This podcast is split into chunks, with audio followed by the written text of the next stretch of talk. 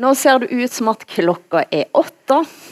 Nej. Det er jo ny- Da er vi ferdig. Syv. Jeg skal bare Ja, spole precis. fram allerede.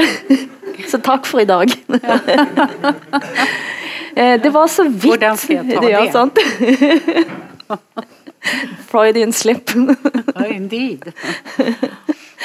Eh, vi er altså veldig heldige, og det skal dere vite at det er veldig heldig i dag at eh, Ebba Witt-Brattstrøm eh, faktisk har kommet til Bergen. Det var altså sånn en periode at Arlanda syntes at det var helt uklart om de hadde lyst til å slippe denne professoren. og eh, Ja, ja, det var, det var kulturmannen var där. Kulturmannen var satt oppe i tårnet og hindra, hindra flyavganger. Ja, men, Men- det var alla, alla flyavgångar. Ja. Mm. Ikke bare, ikke bare ditt. Eh, eh, men vi er derfor altså veldig glad for å sitte her, selv om jeg da høres ut som at jeg, jeg vil ha det hele fort overstått. Eh, det vil jeg da ikke, for jeg gleder meg veldig til å høre deg snakke. Og for dere som ikke kjenner Eva Hvitt Brattstrøm, så så har eh, hun holdt eh, altså no, svensk kulturdebatt i ånde eh, det siste året, vil jeg nesten si, og kanskje de siste to åra.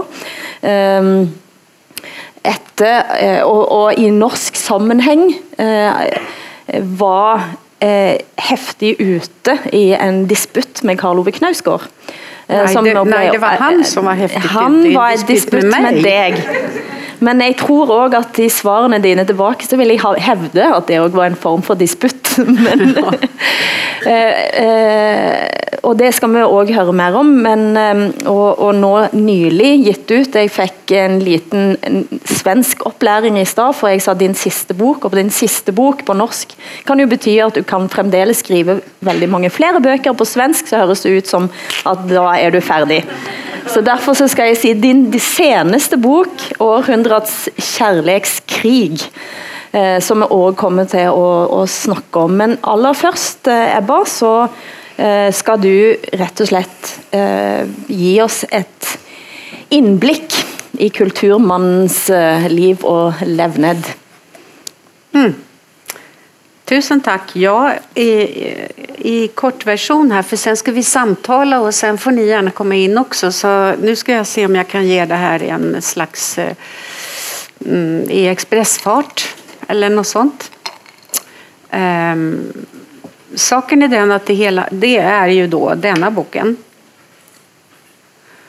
som kom eh, också i år och som är en essäsamling kan man säga och ett försök att göra reklam för att, eh, eller visa på att det finns två, att vi har två typer av bildningsarv. Eh, nämligen den kvinnolitterära traditionen och den manslitterära traditionen.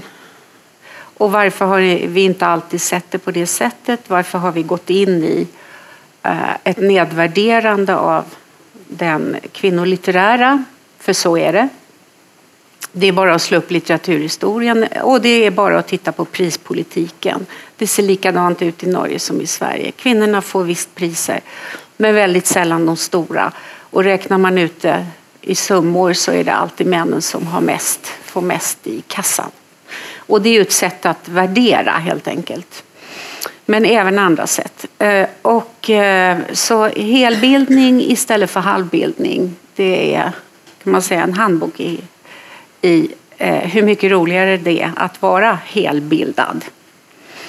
Men di, vägen dit är ju ganska lång. Eh, när jag började studera litteraturvetenskap så jag studerade faktiskt andra ämnen före, men när jag började studera litteraturvetenskap eh, så eh, började jag känna det ungefär som att vad vi höll på med var att lära oss att balansera en främmande skalle på huvudet.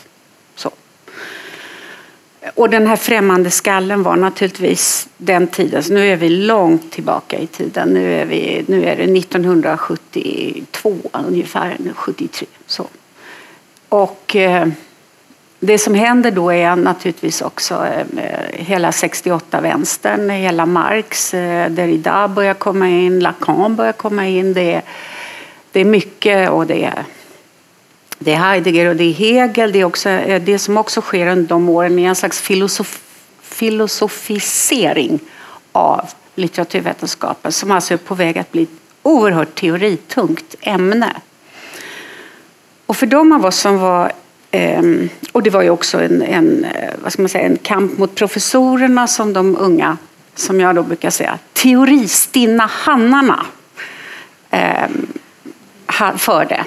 En kamp mot de gamla förstockade borgerliga professorerna. Och så, så, hur vi kom in, liksom försökte ta oss in, det fanns ingen plats och ingen position eh, för kvinnliga teoristinna unghonor. Kan man säga.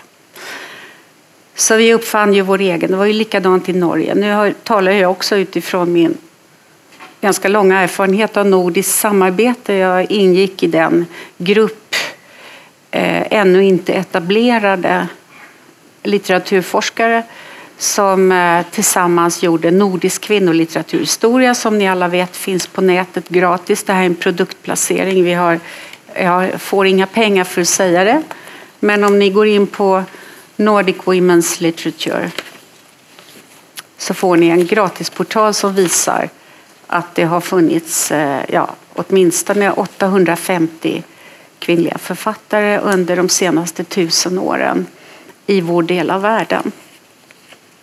Det där visste ju inte vi då, men vi började ju gräva. Vi fyllde våra huvuden med, med eh, alla kvinnliga snillen. Eh, Medan våra manliga kamrater de travade på i sin halvbildning. Och vi var på väg att bli helbildade. För vi hade ju skallen, den bollade vi med. Och sen hade vi alltså vår egen skalle. Och faktiskt så hittade jag ett citat just av Ferrante. Ni vet, Helena Ferrante, det är min nya idol. Jag hoppas att ni har börjat läsa henne. Hon är verkligen eh, en, en gigant. Och för henne är ju feministiskt tänkande just den typ av motståndshandling som det var för oss. Hon säger ju till exempel att hon älskar feminismen därför att den har provocerat fram ett komplext tänkande. Så var det för oss också. Hon säger också att den manliga koloniseringen av vårt tänkande då, när vi var unga. Jag skulle tro att hon är i min ålder. Och våra, vårt, vårt sätt att inte bara tänka utan också fantisera, allt det var manligt koloniserat och att det var väldigt bra. Därför att det är en styrka. Nu är det en styrka. Bara man får sin andra skalle så är det en styrka. Varför? Ja, hon säger i en intervju i The Guardian, tror jag We know everything about the male symbol system.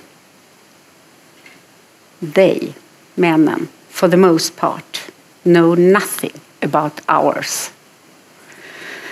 Uh, och vad betyder det? What's more, they're not even curious. Indeed, they recognize us only from within their system. Mm. Då är vi inne på kulturmannen. Då talar hon om kulturmannen. För vad är då kulturmannen? Kulturmannen är egentligen bara en samlingsbeteckning. Alltså det finns kulturmän, men de är, i varje epok finns det kulturmän som representerar ett tänkande som egentligen bara handlar om mansgrisaktiga mekanismer och reflexer. Och det, de går ut på att uppvärdera mäns tänkande, skrivande, konstnärliga verksamhet över, överlag. Och samtidigt, för att kunna uppvärdera måste man nedvärdera kvinnornas. Så det är en enkel samlingsbeteckning. Eh, det är alltså en typ mer än en person. Men varje tid har, och varje land har sina representanter. Hos oss kan man ju tänka på Strindberg. Men man kan också tänka på Ingmar Bergman. Alltså, ni har era. Det är vissa sådana som på olika sätt har stått fram med eh, den här värderingen. Det här sättet att försöka, ehm, kan man säga, undervärdera helt enkelt, kvinnorna. Och att framhäva det manliga geniet eh, på bekostnad av alla andra, då, även kvinnliga genier. Ehm, det här har synts väldigt väl i litteraturen. Kvinnorna har väldigt länge skrivit om den här typen av man, den här kulturmansgestalten. Ehm, ända sedan det moderna genombrottet, för det moderna genombrottet var också ett genombrott för kvinnorna. Även om man sedan begravde dem så fort man kunde Eh, och framhävde männen. Därför att hela litteraturhistorien är ju en slags eh, konstruktion av mm, genrer, stilar, epoker med manliga portalgestalter. Och det hjälper inte om man har, om vi talar om den tiden, en Sigrid Undset eller en Selma Lagerlöf. De är undantag. Det är fortfarande männen som skapar sin tid. Kvinnorna placerar man utanför tiden i en särskild damkupé. Eh, och det där har kvinnor sett hela tiden och det är också det som gör att deras verk blir så farliga för kulturmannen. Och det är därför man inte vill läsa det. Man vill inte tolka in det som står i de här romanerna eller ja, framförallt i romanerna. Ett, en avslöjande blick. Man skulle kunna säga att kulturkvinnan installerar sin genuskritiska blick eh, ungefär 1880. Så det är ju ganska länge sedan.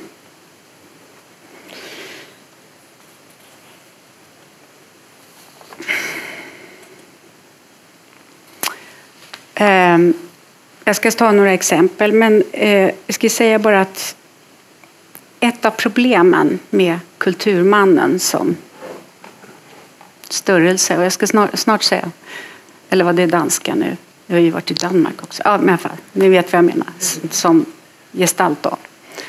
Ett av problemen är att han inte bara lever hos män. Framförallt skulle jag säga att det som är spännande idag och de reaktioner som jag har fått och Mm, i den svenska offentligheten som vi ska beröra sen vet jag att du, så jag ska inte säga så mycket om det men eh, det är att yngre manliga intellektuella och eh, kulturskribenter och författare de är inte alls särskilt imponerade av den här kulturman. De vill inte bli kulturmanstypen. Eh, men, så det är inte män som skapar. I vår tid är det inte männen som skapar och upprätthåller den här kulturmannainstitutionen så mycket som även kvinnor gör. Och varför gör kvinnor det? Jag menar vi alla. Om jag nu frågar er så här.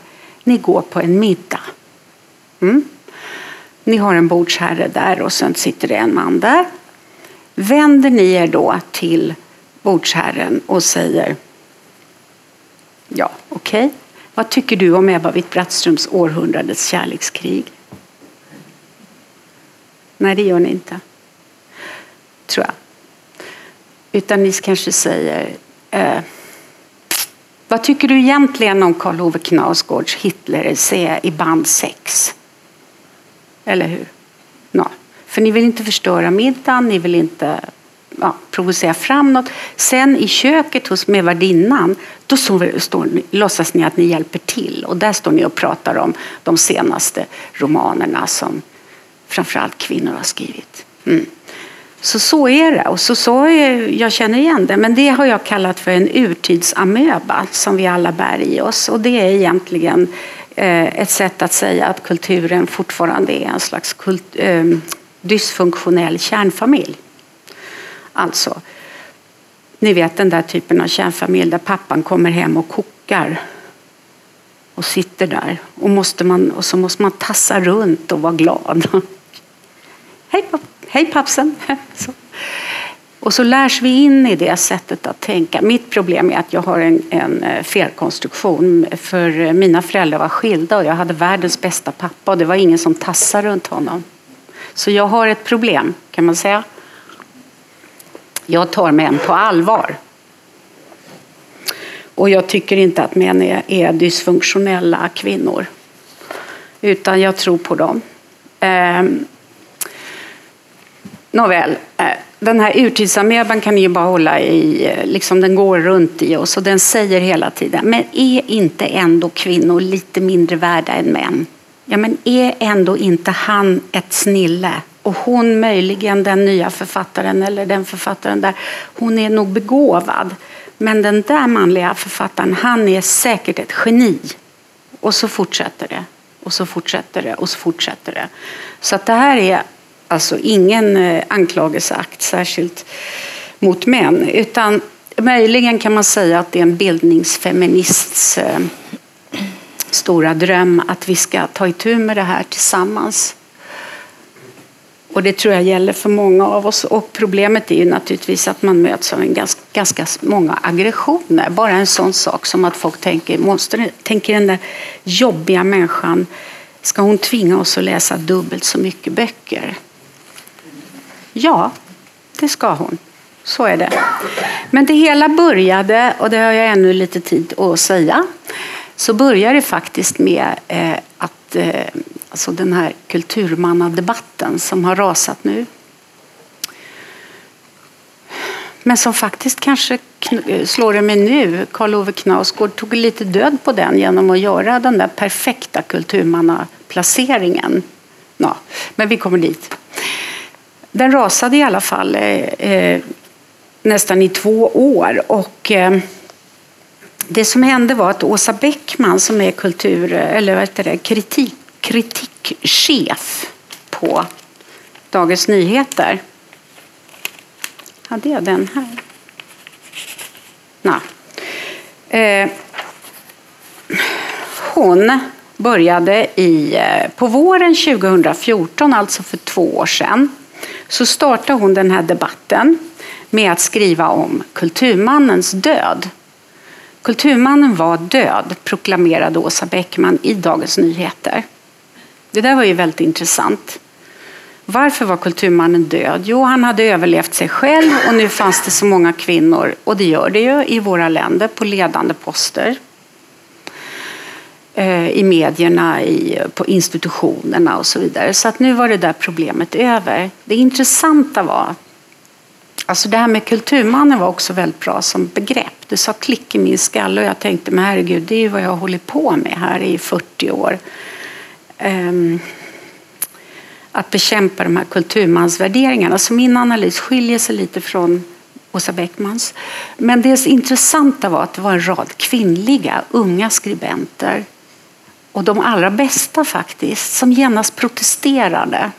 Som genast sa nej, det stämmer inte. Han lever. Jag mötte honom igår, eller förra veckan stod han i ett hörn på ett sånt där kulturellt vimmel och pratade om sig själv, citerade sig själv inför en hop av beundrare. Han raggar allt yngre kvinnor. Alltså det var, de, de kom helt enkelt med ett hjärtskärande vittnesbörder om att nej, det är inte sant. Han finns visst kvar, han lever. Alla möjliga, och även en mycket ung och begåvad rap eh, poetry, så heter slam poetry artist som vi har som heter Olivia Bergdahl, hon kanske är 22. Hon skrev ett långt manifest om hur man skulle gå tillväga med den här kulturmannen. Ett bedårande as. Sånt. liksom. Hur ska man göra? Punkt ett, punkt två, punkt tre.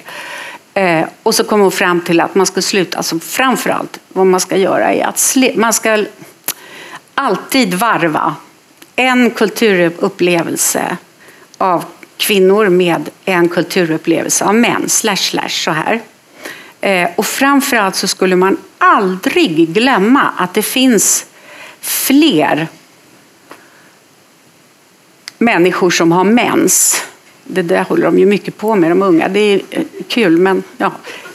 En kraftig skäggväxt.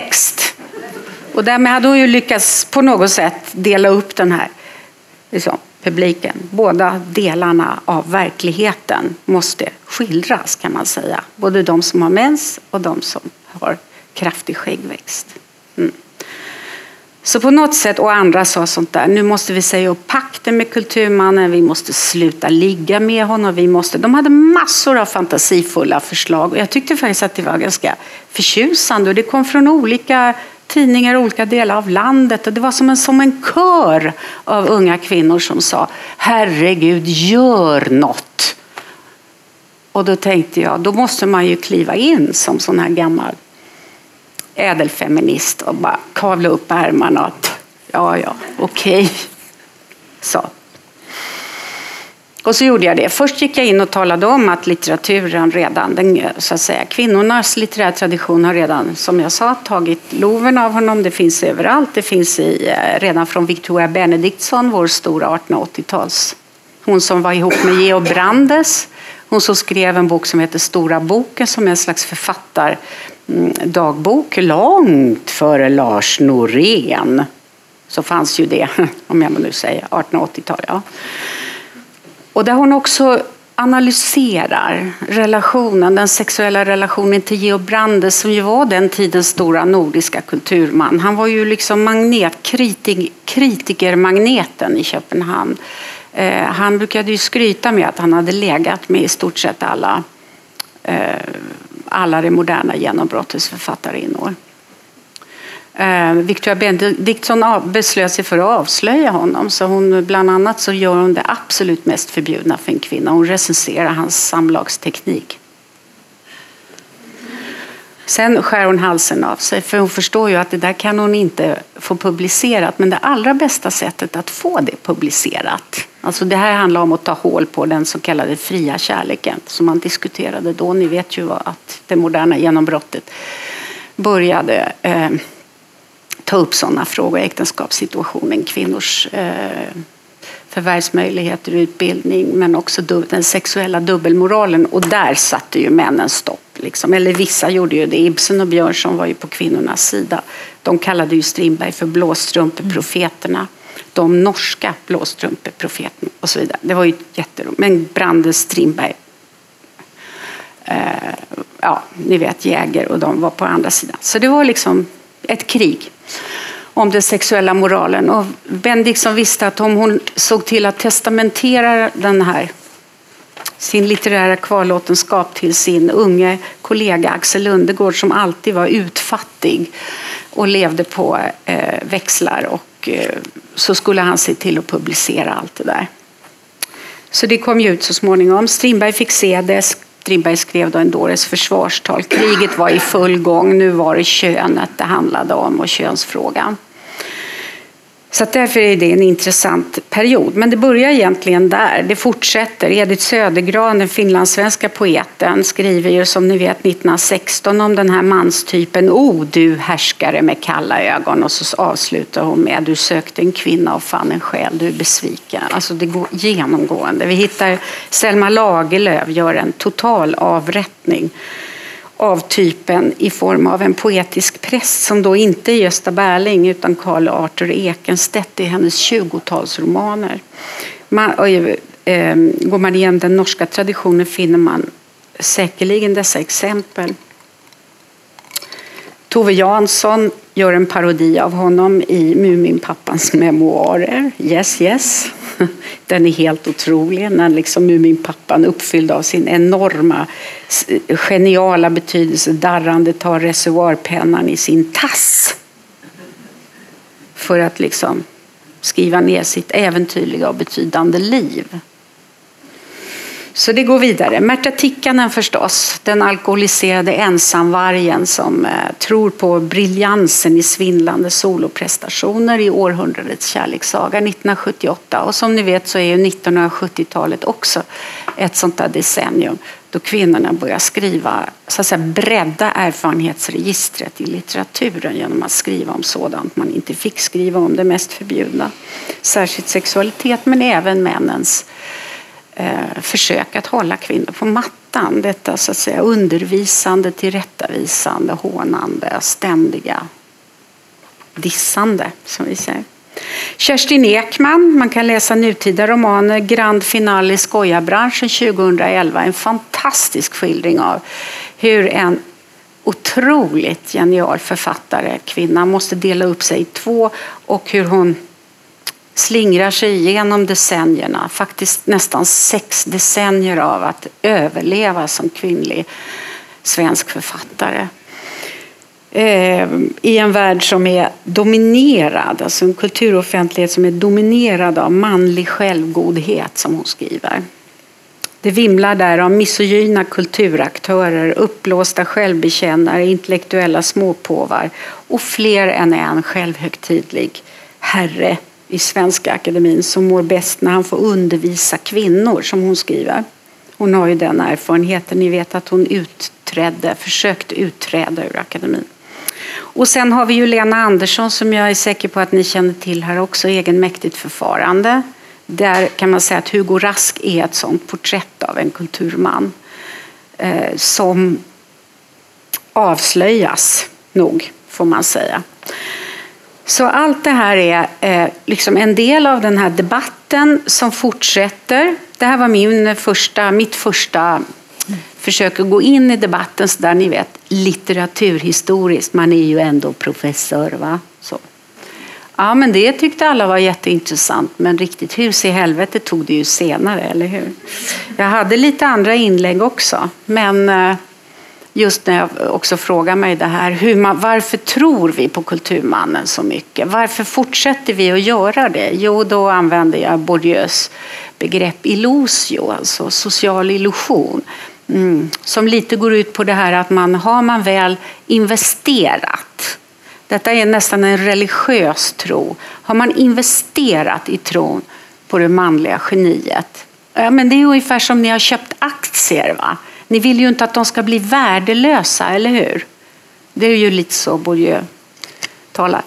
Eh, utan ni fortsätter ju att satsa på de här aktierna och ni försöker liksom få börsen att fungera och han ska vara den högsta värdeindikatorn och kvinnorna får vara glada om de får vara med i hörnen och så vidare. För det är låga aktier på dem. Va? Det är liksom så det fungerar. Ja, lite sånt kom jag in med också. Det tyckte jag var ganska fiffigt. Men det som tog hus i helvete var ju när jag började skriva om 13-åringen. Inte sant? Vilken funktion har 13-åringen i eh, det här litterära eh, monumentbyggandet av kulturmannen. Vad är det som är så viktigt just med den här 13-åringen? Den 13-åriga unga kvinnan. Eh, och det hela i den svenska traditionen så börjar det ju inte... Ja, och det var där jag skrev lite detta, fullständigt, detta ord som, är, som det är dödsstraff på. Va? Litterär. Skriv upp det. Litterär pedofili litterär pedofili. Det är tema. Va? Eh, Nabokovs Lolita. Ett mästerverk, tycker jag. Därför att det visar ju alltså, sjaskigheten i det här. Men 1979 så blev litterär pedofili ett, ett eh, alltså det blev fin litteratur i Sverige och det hände ju med Stig Larssons Autisterna. Den i sin tur är en av, han blir, den är ju en minor classic för andra författare. Framförallt manliga författare. I den boken så kan man säga att 16 nyanser av ett jag, alltså en första persons berättare som hela tiden antar olika skepnader. Så det ska inte vara en episk, ingen episk struktur, det är inget narrativ. Eh, det är en väldigt bra bok tycker jag, litterärt. Men det är alltså denna 16 nyanser av ett jag våldför sig då på tonåringar och i ett fall mm. även på en nioåring. Framförallt är det ju flickor då. Och det här går vidare och det här blir, växer till den här överinvesteringen i det onda. Att liksom det onda är något som är särskilt finlitterärt och särskilt höglitterärt. Och att kvinnor inte begriper det. För vi är på något sätt i det goda. Det här jag tycker är lite intressant med Ferrantes eh, iakttagelse. Att männen, om vi nu talar kulturmännen, jag råkar, jag råkar känna män som inte är sådana, vill jag påpeka. Som både kan tänka och läsa och känna. Men jag menar, kulturmännen, de eh, förstår inte de vet överhuvudtaget inte vad kvinnorna håller på med. De läser väldigt sällan kvinnliga författare. De läser absolut inte kvinnoklassiker. De misstänker att det finns den här, som jag sa, genuskritiska blicken som installeras från det moderna genombrottet. Att det kan finnas någonting som avslöjar dem. Ni vet ju vad Virginia Woolf säger i ett eget rum. Vad är kvinnans funktion för mannen? Begynner vi att närma oss? Ja, vi begynner att närma oss. Snacka om, eh, det är mycket att snacka om här. 13 Vi kommer tillbaka. Ja. Jag tänkte sluta med... Ja, jag tänkte det. Ja. Ja. Jag bara säger Virginia Woolf. 1929 så konstaterar hon att kvinnans funktion för mannen är att tjäna honom som en spegel som återger hans ja, som återger honom själv i två gånger naturlig storlek. Twice his natural size. Det är kvinnans funktion. Så då är det ju ett väldigt problem att kvinnor när de skriver romaner så återger de ju männen så att säga in his natural size. Och det upplevs som en degradering. Och därför så för er är det faktiskt så att de här männen eh, de gillar inte att läsa om det här och därför förstår de det inte. Alltså, om vi nu talar om 13-åringen och det 13-åringen utsätts för, så 13-åringen går ju vidare in i Karl Ove Knausgårds. Jag råkar ju då skriva på mitt väldigt litteraturanalytiska och korkade vis då, eller troskyldigt. Eh, att vad ser vi här? Det handlar om 13-åringens funktion i det här manliga genibygget. Eh, och då använder jag mig dessutom av en av mina doktorander som har på, vid Helsingfors universitet som har skrivit en avhandling om detta. Så det är faktiskt han som har gett mig idén och jag ger honom cred i den artikeln. Ingen människa läser Klaus, Klaus eh, att han finns med i boken, eller finns med i artikeln, utan allting hamnar hos mig. Och jag säger, vad är det? Ja, Klaus säger, det är triangel. Klaus Elholm Anderson heter han. Det är ett triangelförhållande eh, och det är en av de stora teoretikerna, klassiska teoretikerna i queer-teori, Yves Kosowski Sedgwick som har beskrivit hur kvinnor blir ett slags alibi mellan män i det som hon kallar Homo social desire. Okej, okay, nu hade jag sagt både litterär pedofil och, pedofili och homosocial desire. Alltså hade jag sagt att Karl Ove Knausgård i Ut ur världen, liksom i Min kamp, är pedofil.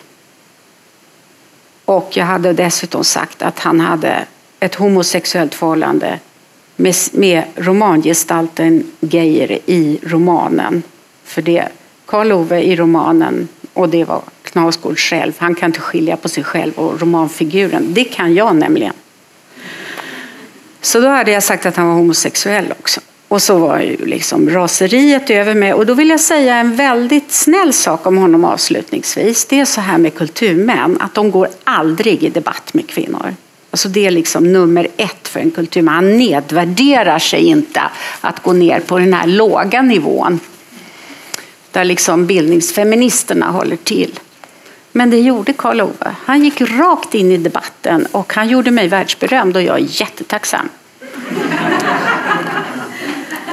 Jag blev känd ända in i Spanien. El País skrev om mig, den berömda doktor, vad heter det, litteraturprofessor som vågade ge sig på den store Knausgård. Mm.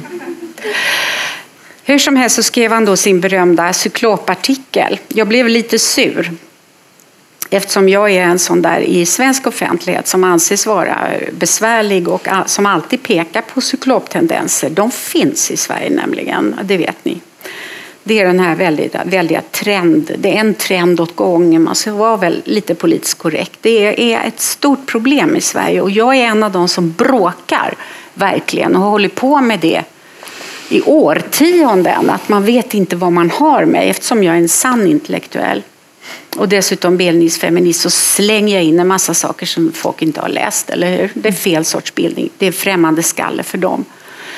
Så att det, blev ett, eh, ja, men det blev ett hallå och jag blev utskälld som den största cyklopen i hela Sverige. Och vad handlade hans artikel om när man kokar ner det så är det A1. Litteraturen måste vara fri. Ja, vad i helvete ska den vara annat? Who said something else? B. Eh, det onda är det fina. Ja, tyvärr är det så att kvinnor skriver väldigt mycket om det onda. Det vill säga det onda som drabbar kvinnor och flickor. Eller överhuvudtaget offren kan vi säga. Se nu på Svetlana Aleksijevitj, eh, Nobelpris, senaste nobelpristagare. Hur drabbar kriget människor? Eh, och så vidare. Så det är klart att kvinnor skriver om det onda. Hallå, Karl Ove Knausgård. Är det för att han har studerat här i Bergen och det inte finns några kvinnor på listan? Eller? Nej, jag skämtar. Nu var jag elak. Det är bara för att få igång det här. Få igång, att få igång. Alltså, han har ju ett problem. Det är ju något problem. Om man, läser man igenom eh, Min kamp så ser man ju att han namedroppar ju kvinnor. Den enda som får vara med är ju hon, vad heter hon, med den eh, opersonliga ondskan där i, i nazi. Hanna Arendt va? Mm. Ja, men det är ju en sån given. Men i, i verkligheten så ser man att han är bara helt enkelt jävligt halvbildad. Jag slutar där. Men det är nettopp detta halvbildningen och helbildningen du snackar om. För på, det jag sitter och lurer på, och som jag lurte på, på när jag läste 'Kulturmannen' och, och din sista bok, eh, så tänker jag det är väldigt normativt. Eh, för fordi det är nästan som at det ikke fins Jeg satt og tenkte på det når du sa Spør en på en fest Mm. Uh, vil, altså, hva syns du om uh, århundrets kjærlighetskrig, kjærlighetskrig? Eller den siste til Knausgård? Mm. For min del så tenker jeg at det er vel begge deler. Og den siste nobelprisen til en kvinne som nettopp beskriver kvinnelige erfaringer, viser jo det tvert motsatte av det du har skrevet i Kulturmannen, på, på sett og vis. Nej, nej, det är 14 kvinnor som har fått Nobelpriset. Det är det. Och 99 män. Det är man ju fullständigt det är det som är, över. Alltså, du ja. måste ha hela bilden. Men, men är det någon som helst väg ut? Ja, för det är klart det. Men du måste ju så att säga stå där hela tiden och påminna. Det jag gjorde i den här debatten när Knausgård hade skrivit Cyklopen, det var ju att jag fick en replikrätt. Ja. Mitt livs lyckligaste dag. Jag hade bara en dag på mig för jag råkar ju ha ett litet heltidsarbete också som professor i Helsingfors. Jag skulle ju dit och så hade jag en dag och jag skulle skriva det där och då kom liksom oh, då talade och så antiken, han hade ju antika temat Odysseus och ja, ja. sånt kan ju inte små kvinnor vet, antiken mm. och så. och jag gick där och tänkte vad ska jag vara? Jag måste ju upp på nivå va. Ja, ska jag vara aldrig Penelope? Nej. Medea, det är för hårt. Jag har fyra söner, det går inte. Ingen man är värd det. Mm. Att jag skulle döda mina söner. Alltså det skulle bli, ni förstår. så. Och ehm, ja, vad, vad, vad blir det då? Det blir till slut, ja, Sappho, ja då säger de ah, haha, hon har blivit lesbisk. kan man ju bjuda på, men jag fick inte upp riktigt sådär.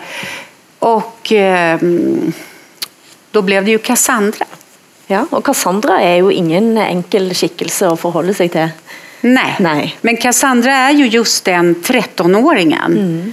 som av eh, Apollon, diktens ja. gud, får den här gåvan därför att mm. han vill sätta på henne. Mm. Det är ju bra. Mm. Av åtrå upptänd, skriver Aiskulos eh, ger han sig på henne och hon avvisar den trojanska, hon avvisar honom och då säger han att du, du, du, man kan, en gud kan inte ta tillbaka gåvan, så är det ju.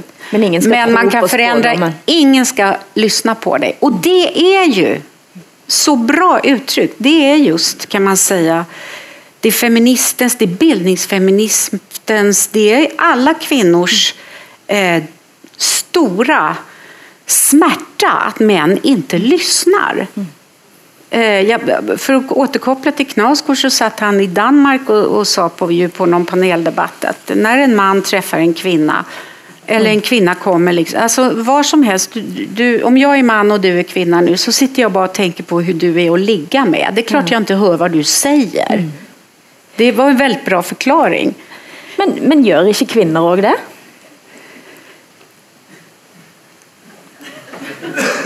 Inte alla män. Så han sa alla män, alla kvinnor. Och det är klart att han uteslöt mig. Ja. Alltså han tänker från 13 till vad då? 35. Så vi andra är inte kvinnor. Mm. Men alla, alltså han generaliserade och tyvärr, nej, jag vill inte ligga med alla män. Och jag, tror, jag känner väldigt få kvinnor som vill det. Mm.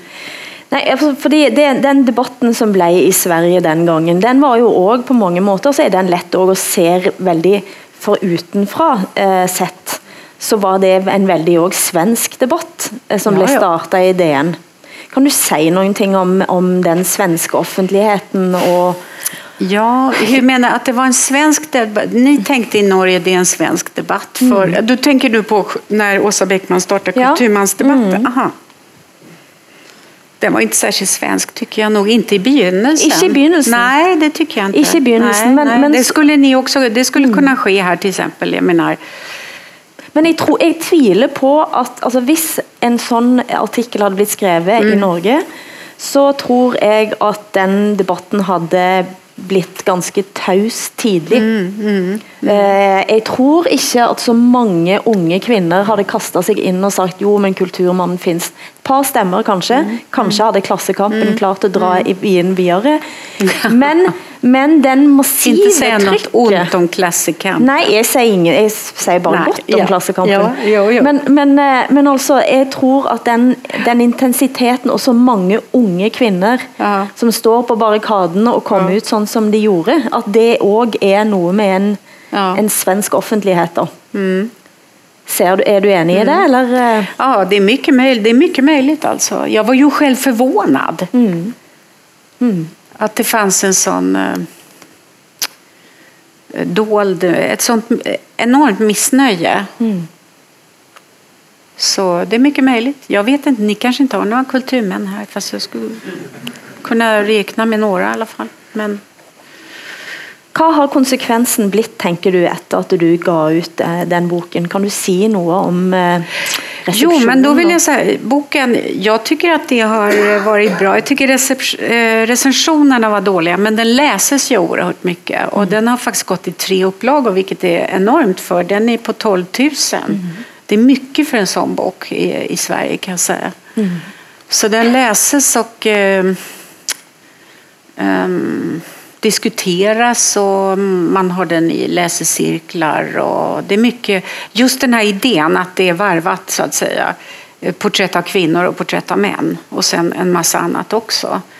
För att visa att det är verkligen viktigt och så finns det lite, men de, ja, det är sådana essäer eh, som så det är ju bara inledningen som är en beskrivning av kulturmannen och kulturmansreflexerna kan man, kan man säga. Där finns ju också den här idén om att vi väldigt mycket lever i en delad offentlighet. Alltså det finns en offentlighet där kvinnor och, de, och många män befinner sig och sen finns det en offentlighet, det är den som jag liknar mellan Östberlin och Västberlin. Va?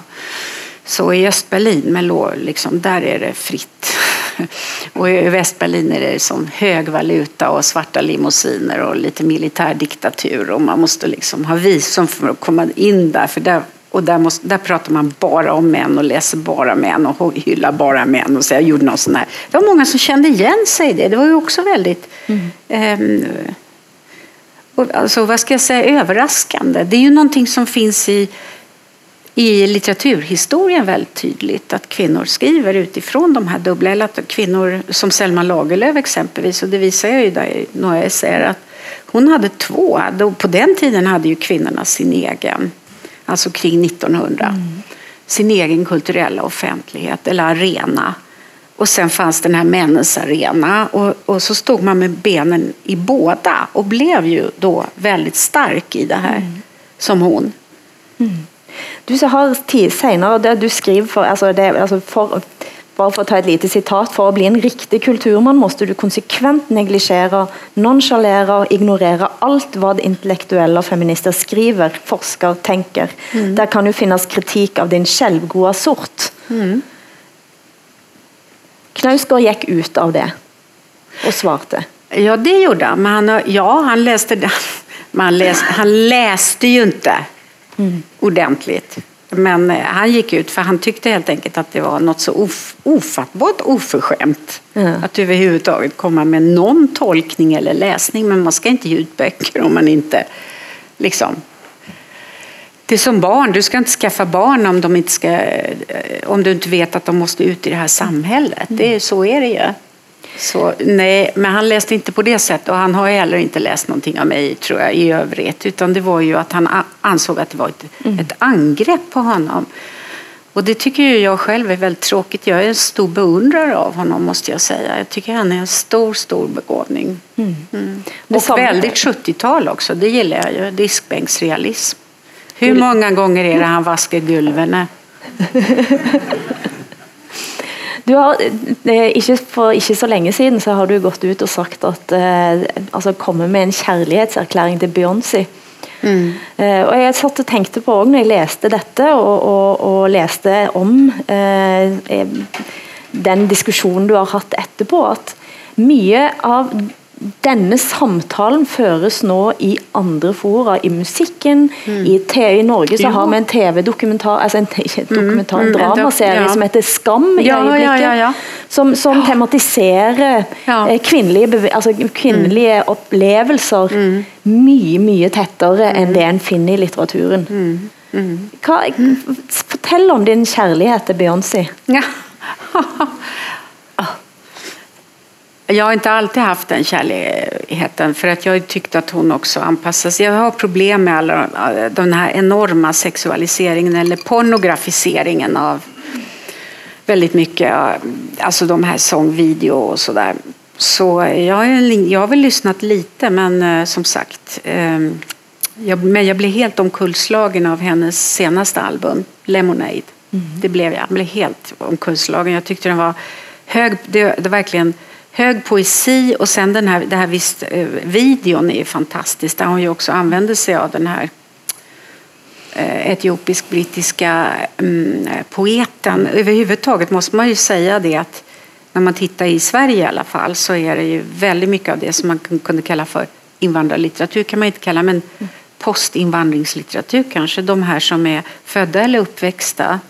Eh, det där som de har i Danmark med Yahya Hassan mm. till exempel. Och och hos oss har vi ju många väldigt intressanta och eh, på väg att, så att säga, uppfinna också ett nytt språk. Mm. Tycker jag. En, en väldig direkthet i språk. Mm. Athena Farrokhzadeh är bara ett exempel eh, nu senast. Och, um, och Kemiri till exempel. Så, ja, mm. Det är någonting som händer och det händer på den fronten så det är kanske inte så konstigt att det är Beyoncé med hennes mm. bakgrund så här, som också kan göra någonting helt rakt på pang på rödbetan. Mm.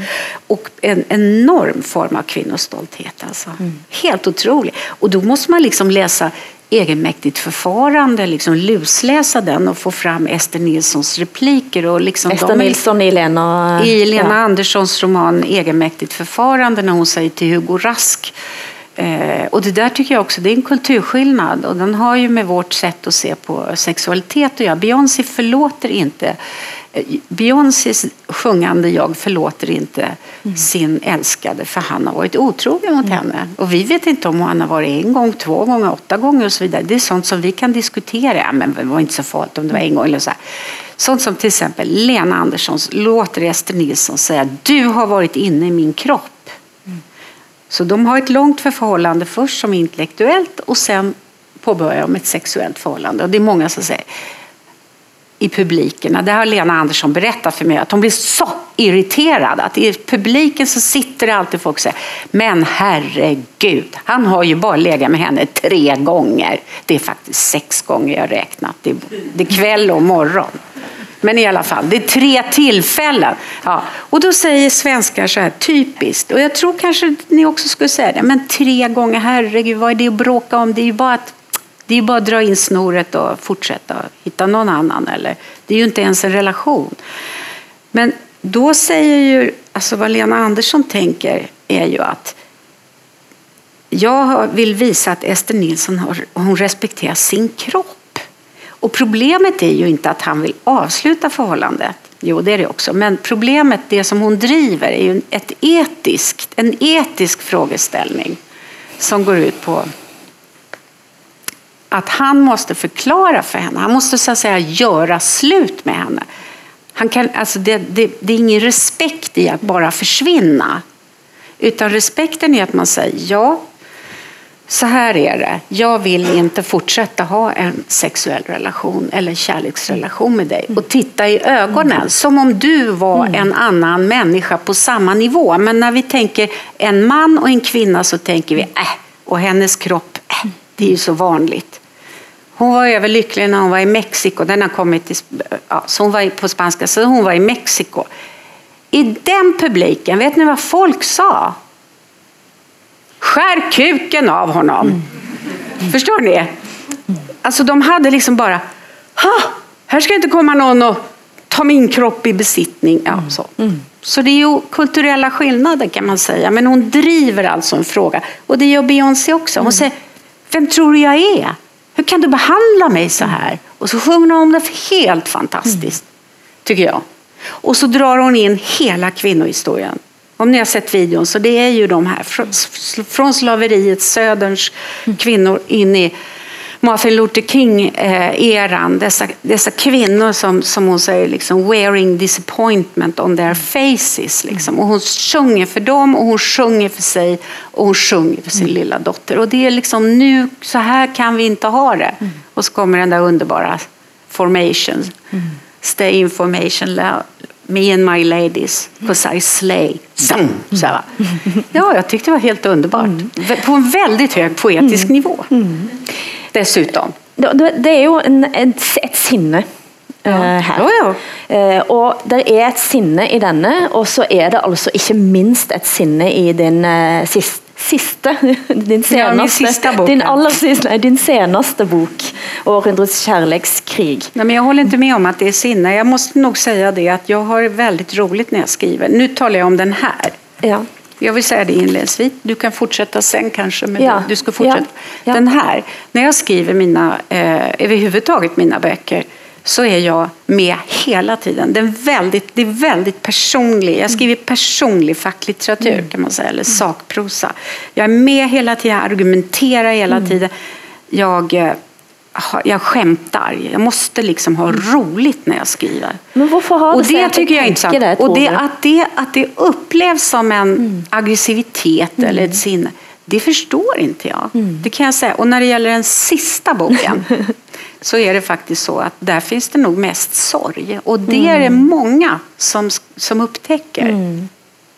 Men problemet är att den kanske ger en... Eh, alltså den, har ju, den bryter, den går i en 70-tals... Eh, och den boken är inte personlig. Jag kan mm. inte säga, det är upp till er att tolka den. Jag finns inte i den boken. Mm. Alltså jag är inte där. Utan jag skapar ju ett eh, scenario där det är en hon och en han. Eh, och det är väldigt viktigt att han ska ha lika stor plats. Mm. Så att vi också ska förstå mm. hur är det han tänker och känner. De är lika olyckliga. Det är mm. ingen skillnad. Så på det sättet är det ju mindre som Beyoncé, hon kör ju sitt, han, han kommer ju inte in i den. Mm. Så där kanske finns en sinne då. Mm.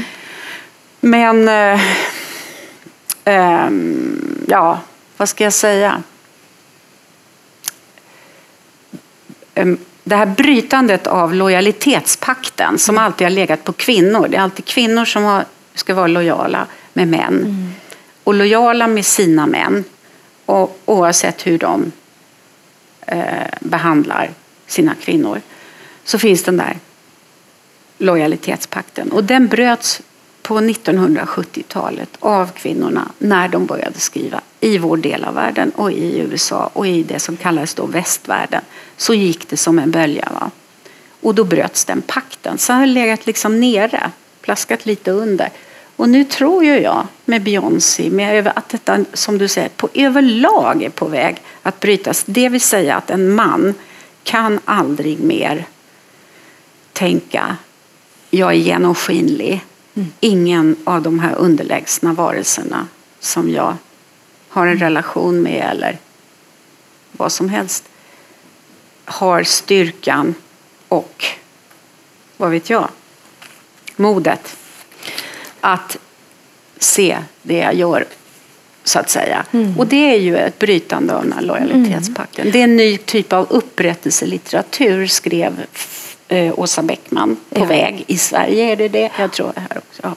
Ja, og det, og det du har sagt om din seneste bok, er at om min bok kan redde en enda kvinne fra en manipulerende mann som utnytter hennes kjærlighetsberedskap, så er jeg glad.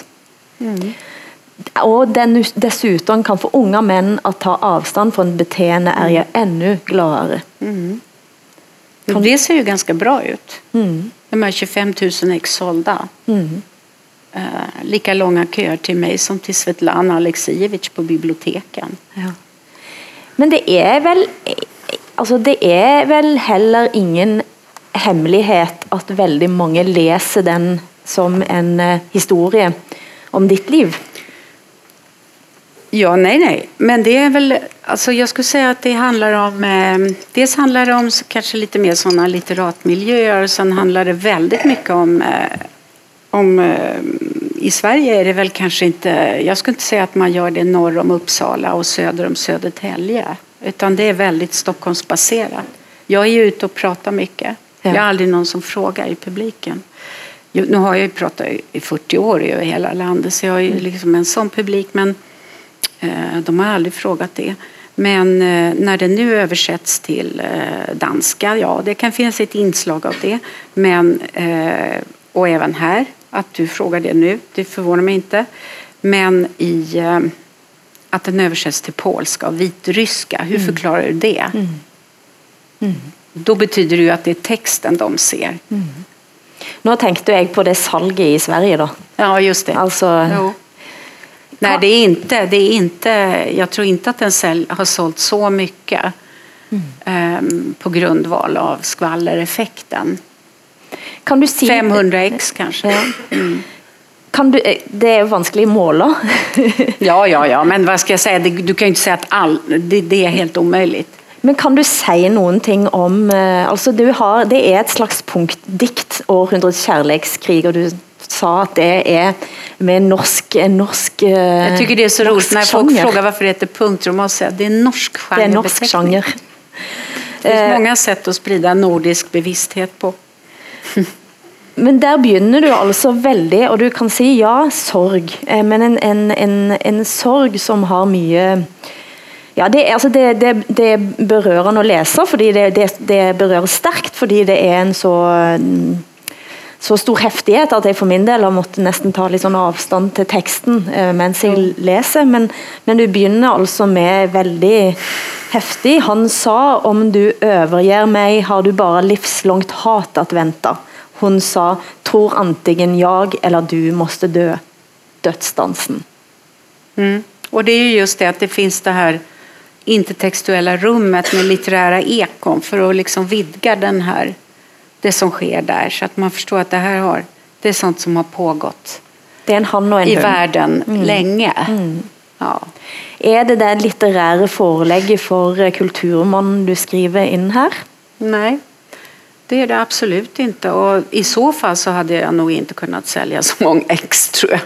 Nej, det tror jag inte. Jag får ju hela tiden både brev och mejl och folk som kommer fram på gatan. Och, och när jag är ute och pratar är det liksom aldrig mer, mindre än 200 människor. Och, och de kommer också fram, liksom, eh, en del med rollator och sen var det den här unga kvinnan med, med, med gravid liten mage som kom fram och skulle ha signerat i sin bok att den, den, om det blev en flicka så skulle jag skriva någonting till den flickan att hon aldrig skulle behöva råka ut för det här.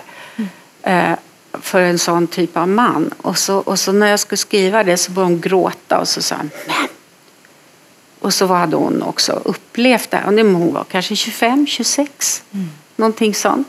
Och då inträffade det fantastiska att en ung man kom fram och höll om henne och då snyftade hon inte han, den förra. Så det var liksom hopp va. Det var sån lycka. Åh, tänkte jag, vad tur. För jag tänkte barnet och det här. Ja.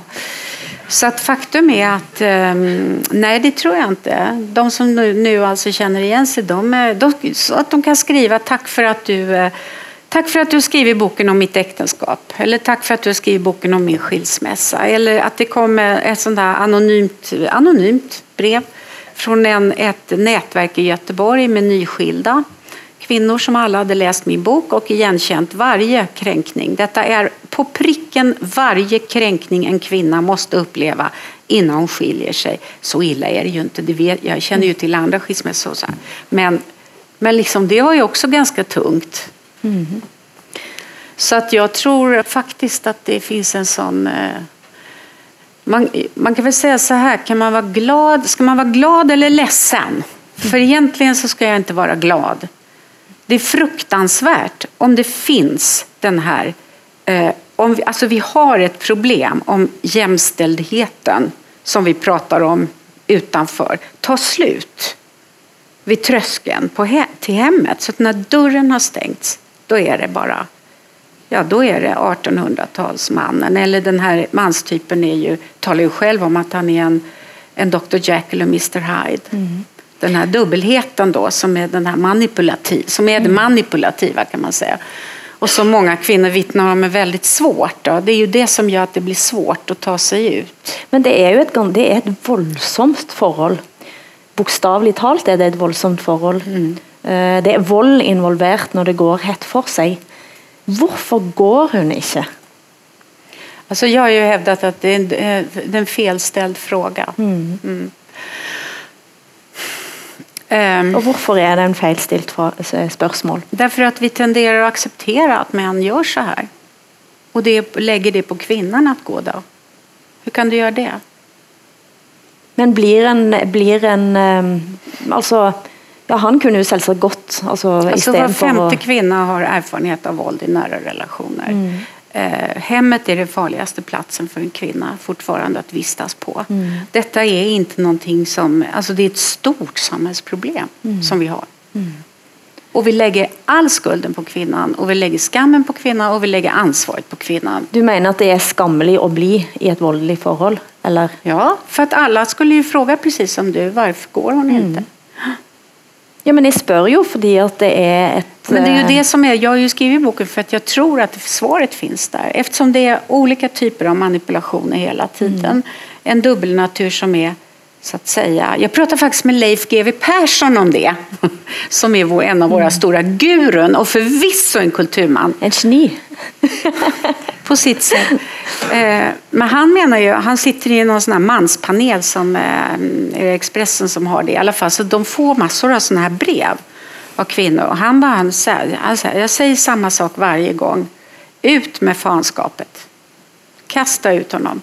Men varför gör inte kvinnor det? Jo, sen, det är för att män eh, det tar en man ungefär tre månader att binda en kvinna till sig. Och I det ögonblick han har liksom etablerat ett förhållande, kanske flyttar in hos henne och de har liksom påbörjat någonting och hon tror att det här är någonting som är lika eh, vad ska jag säga, uppslukande för honom. För det är också det här problemet med att män har mer, tycker att de har liksom rätt till dubbla liv. Här kan man stoppa in Knausgård för övrigt. Mm. Det kan vi göra sen eh, liksom ett i liv som de har med liksom karriären och andra män eller där. Och sen har de liksom hemmet som en slags, man kan också tänka en motorcykel med sidovagn. Mm.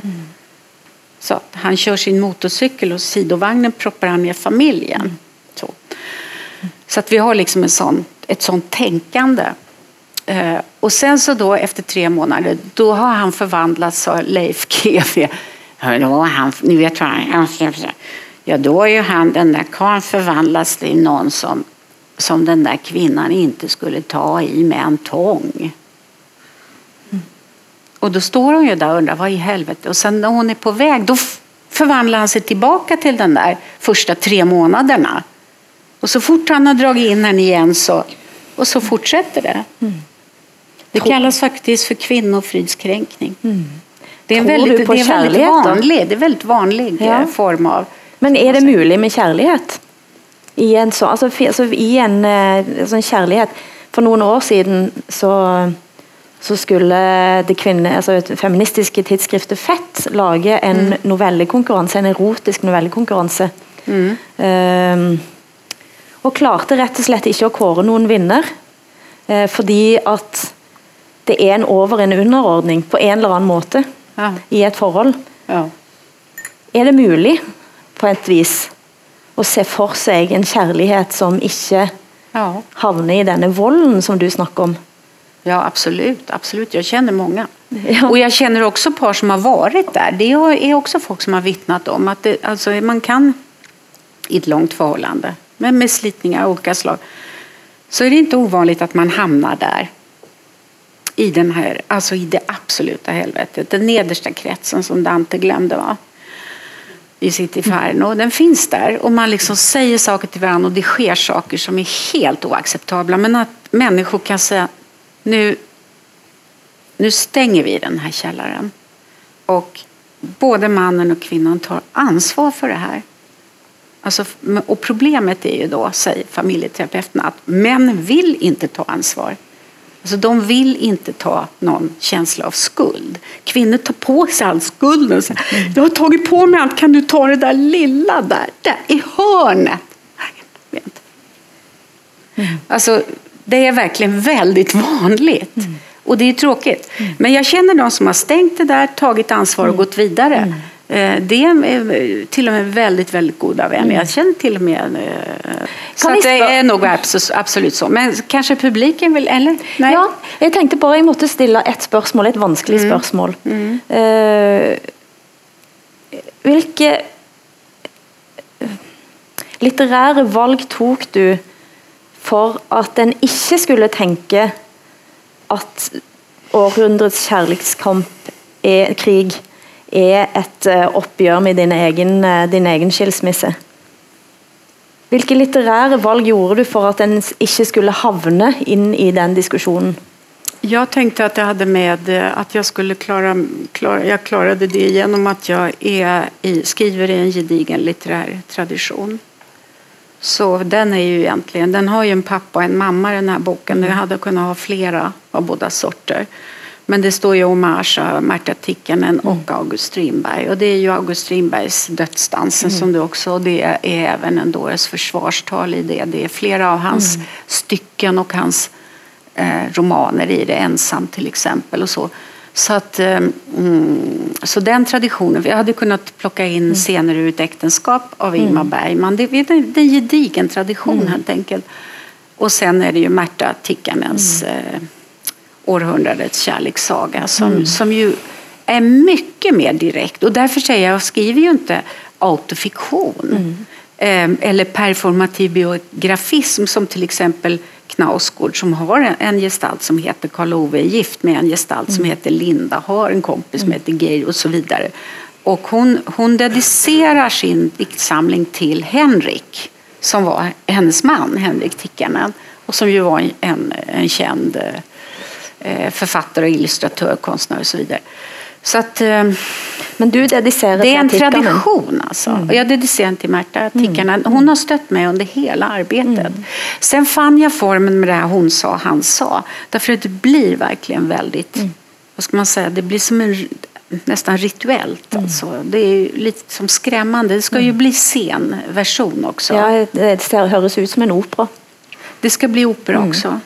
Ja. ja. Jag har en librettist. Ja. Er det spørsmål i salen her, så er det, eh, der er eh, to hender og en mikrofon, tror jeg.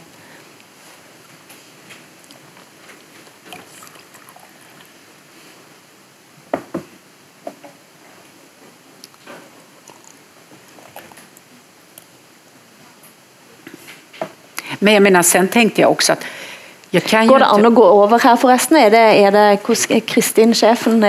Nej.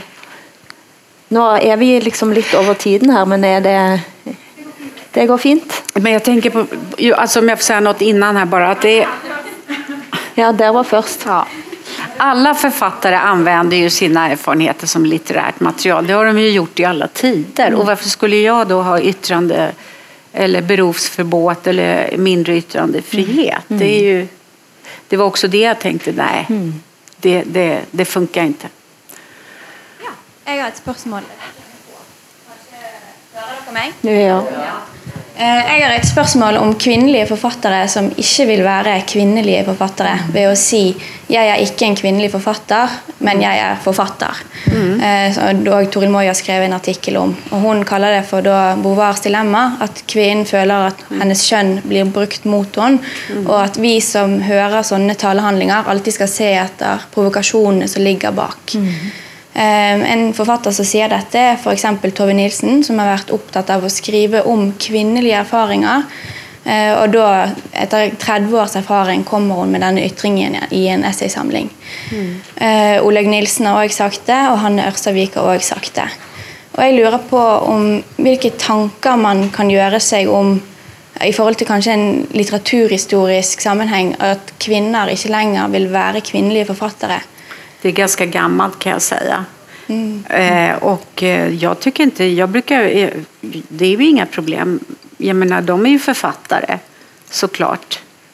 Eh, och jag förstår inte heller riktigt om det är en provokation eller vad de vill göra. Det, det, det kan man ha respekt för. Mm. Jag tycker inte det är något problem. Nej. Mm. Det jag tänker på är, vad är det som fører til at de på en måte ikke ønsker at kjønnet sitt skal inkluderes. F.eks. For forfattere som ønsker å bruke kjønnet sitt i det litterære, sånn som Tove Nilsen, som skriver så tett opp mot sitt eget jeg at hun som regel ender opp med å bli dratt inn i lesningen av seg.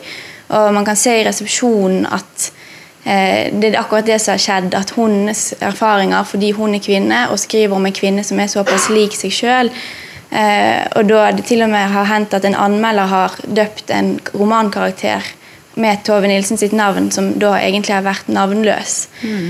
Um, om det kan ha vært noe sånt som kan gjøre at man blir provosert. Man blir provosert, og så tenker man ja.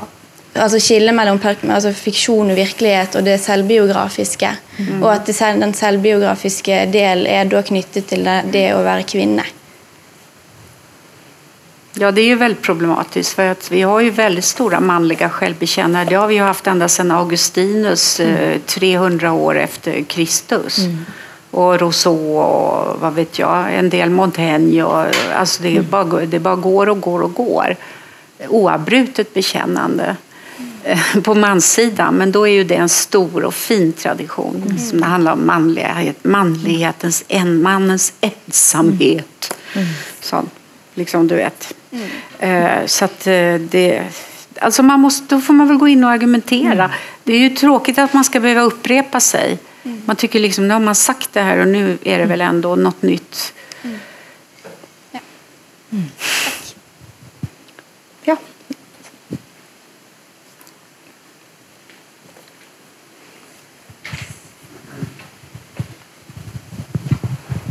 Takk for en eh, svært interessant og veltalende sesjon. Tusen takk. Det som interesserer meg i denne sammenheng, er en fråga.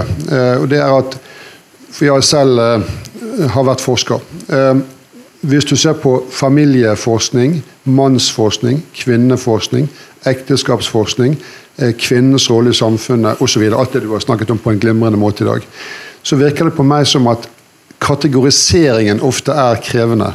Fordi at Hvis du ser på kvinnen helt fra, altså fra Madonna-bildet, som egentlig var altså Indira Gandhi var jo en slags Madonna og en maktperson i en eh, altså Kvinner i, i, i, eh, i eh, lederposisjoner opp gjennom årene kan du sikkert si mer om enn meg. Margaret Thatcher. Matt Thatcher. Men altså hvis du ser forskjell på nå, I går var det hun Megan, Megan Kelly som krøp for eh, Donald Trump for hun skal få seg jobb ikke sant, når han blir valgt osv. Eh, ganske pinsomt, kan man hevde. sant? Eh, men poenget er at det virker på meg som at kategoriseringen er veldig krevende.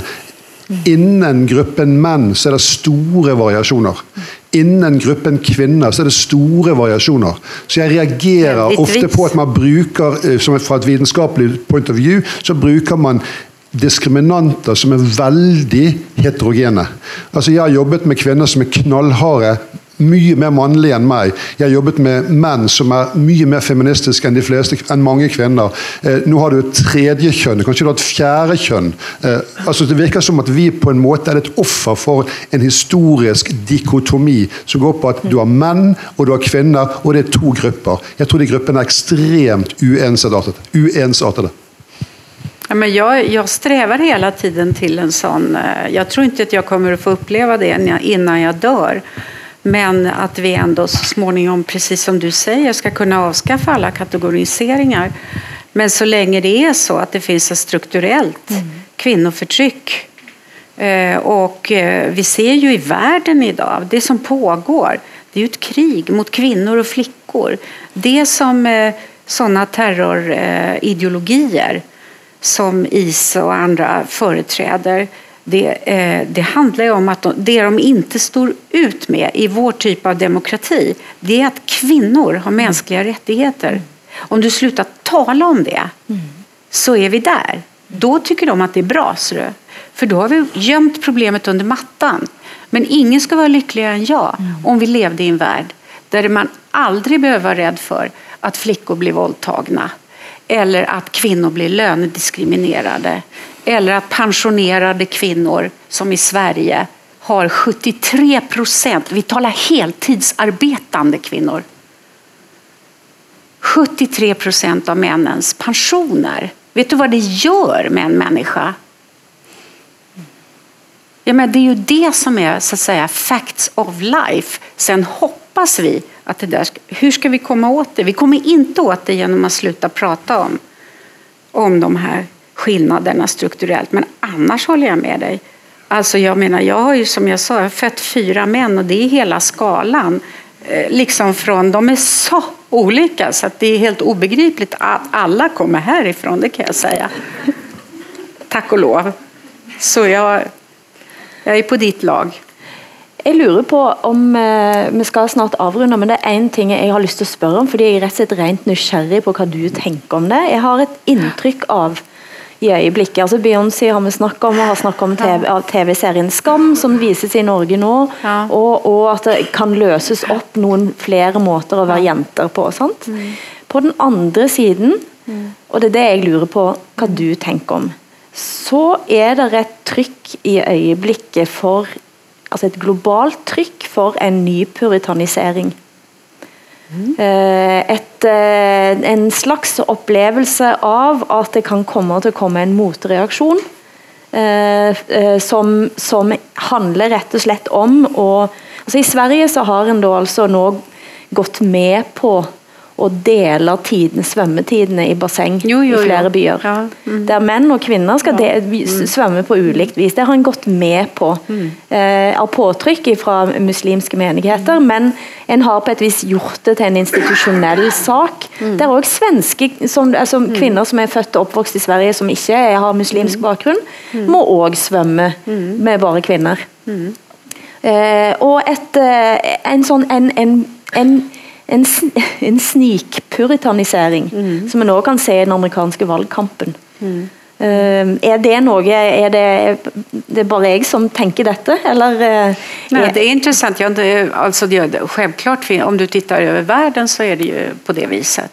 Naturligtvis. Och eh, jag är själv motståndare till det där med olika eh, badtider. Det är fruktansvärt tycker jag. Och det är mycket av det där med cykloplandet som vi kunde prata om, Ja, som jag- jag, kommer ifrån. Ja, men, men jeg, og jeg må spørre deg, for det er kanskje noe av det jeg, jeg syns er mest interessant i eh, absolutt hele verden i øyeblikket. Hva er det med den svenske offentligheten? Ja, det, ja, och apropå det här som den här smygpuritaniseringen som ju också tar sig andra uttryck som att man måste acceptera och det tror jag ni också i princip måste göra enligt era eh, att eh, enligt svensk lag så kan man inte förbjuda barnäktenskap. Alltså inte att en svensk får inte ingå barnäktenskap med en, ett barn eller äktenskap med ett barn. Men om du kommer in eh, alltså som asylsökande så, så måste vi acceptera det. Det är också sånt som är väldigt svårt, va? väldigt, väldigt svårt att ta. Det är ju mest flickor. Och då, så att vi har faktiskt tänkt att vi skulle skriva någon sån här Déclaration des droits de la femme eh, variant som Olympe de Gouges gjorde 1789 då, som ett svar på eh, Déclaration de och så vidare för Lom där. Ehm, Där hon bara bytte ut om mot fam och eh, blev halshuggen för det. det så det är liksom... Tack Olympe. Eh, Och då ska man göra så här tio punkter som är liksom bara helt enkelt, vad är det vi har uppnått, vad är det vi tycker är viktigt? Mm. Som så att säga, ett feministiskt manifest. Det här måste man hålla på. Man kan inte särbehandla flickor eh, i våra länder. Mm. Alltså de ska ha samma rättigheter om de är var de än kommer ifrån så att säga så måste de få ha de rättigheter som vi har kämpat för. Så är det bara. Och kvinnor lika så. Så man ska liksom bara utan att gå in på några ideologier. För det här är ju, man talar om religioner men det är ju ideologier det handlar om. Utan bara köra rakt hur, hur vi håller på liksom, vi är en grupp såna här gamla feminister som sitter där och tänker hur kan man få till det, hur kan man få till det, hur kan man få till det? För jag menar vi har kommit någon vart. Och då måste vi ju ändå, då kan vi inte backa. Eh, Känns det som. Så jag, så jag delar bara din, eh, absolut delar jag din oro. Men jag skulle vilja att eh, det gick lite fortare alltså framåt. Dette er det som eh, ja, eh, Francis Sejersted, den gamle historikeren, eh, kalte for det svenske paternalistiske paradoks. Ja, gjorde Bull det? Eh, Nei, Francis Sejersted. Ja, jag menar Sejerstedt. Ja. Han kalte, ja, är han kalte Mm. det for det, Ja, paternalist, det svenske paternalistiske Ja, paradoks. absolutt. At en styrer alt egentlig inntil eh, langt inn i ektesengen. Eh, Men så kommer det folk som en plutselig da av en ren paternalisme sier du skal få lov å beholde din egen kultur, eh, fordi det er din kultur. Jag tycker att det är ett, ett inverterat främlingshat att tycka det. Och det finns inget som vi är så rädda för i Sverige. Alltså, så den, Ja. Om man säger så här nu då, den överordnade ideologin i Sverige det är antirasism. Eh, och feminism är underordnat. Och det är liksom den, det är det som blir så fel. För att svenskar är så rädda att framstå som rasister. Men i verkligheten är de ett väldigt rasistiskt folk. Jag ser dem, eftersom jag själv har flyktingbakgrund. Så fast från eh, ja, andra världskrigets flykting. Så tycker jag att det är helt... eh, Så jag har alltid sett liksom svenskarna lite sådär som min mamma sa. When in Rome do as the Romans do but why do they do like they do? liksom, var så här. Men, så att jag kan, jag kan verkligen se det här hos svenskar som bröstar sig och är de skulle liksom aldrig vilja bjuda in en asylsökande men de går ut i debattartiklar om... Alltså det, de är helt... De, Det är som ett väldigt främlingsfientligt folk. Kan du si helt kort, helt på slutten, hvorfor er det blitt sånn? Jo, men det är nog det här paternalistiska paradoxen att det har varit tillskuret i stort. Alltså vi har haft ett folkhemstänkande, det är ni medvetna om.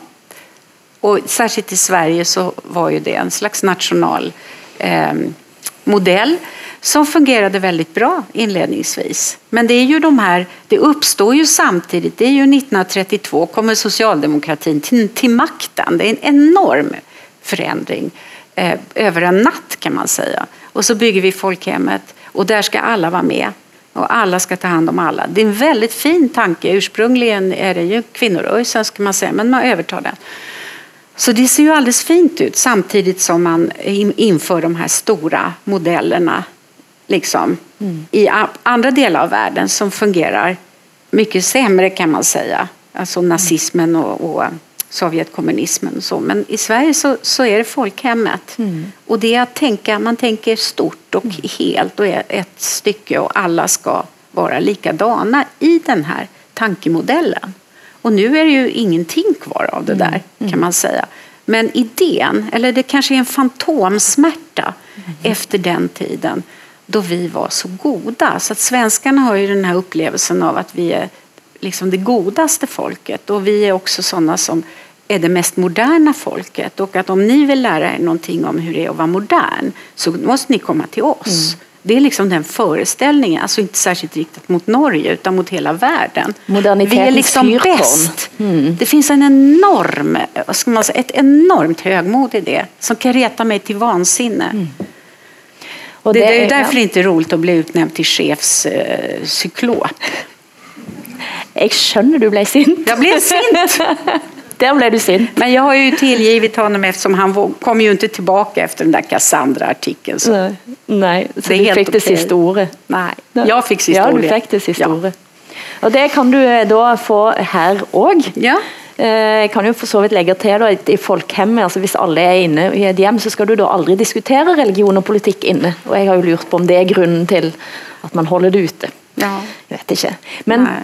Tusen hjertelig takk for frammøtet, og tusen takk til deg. Ja, tack Som, snälla. eh, Det var ju jättebra. Och Hon är egentligen sjuk. Ja. Det gick bra.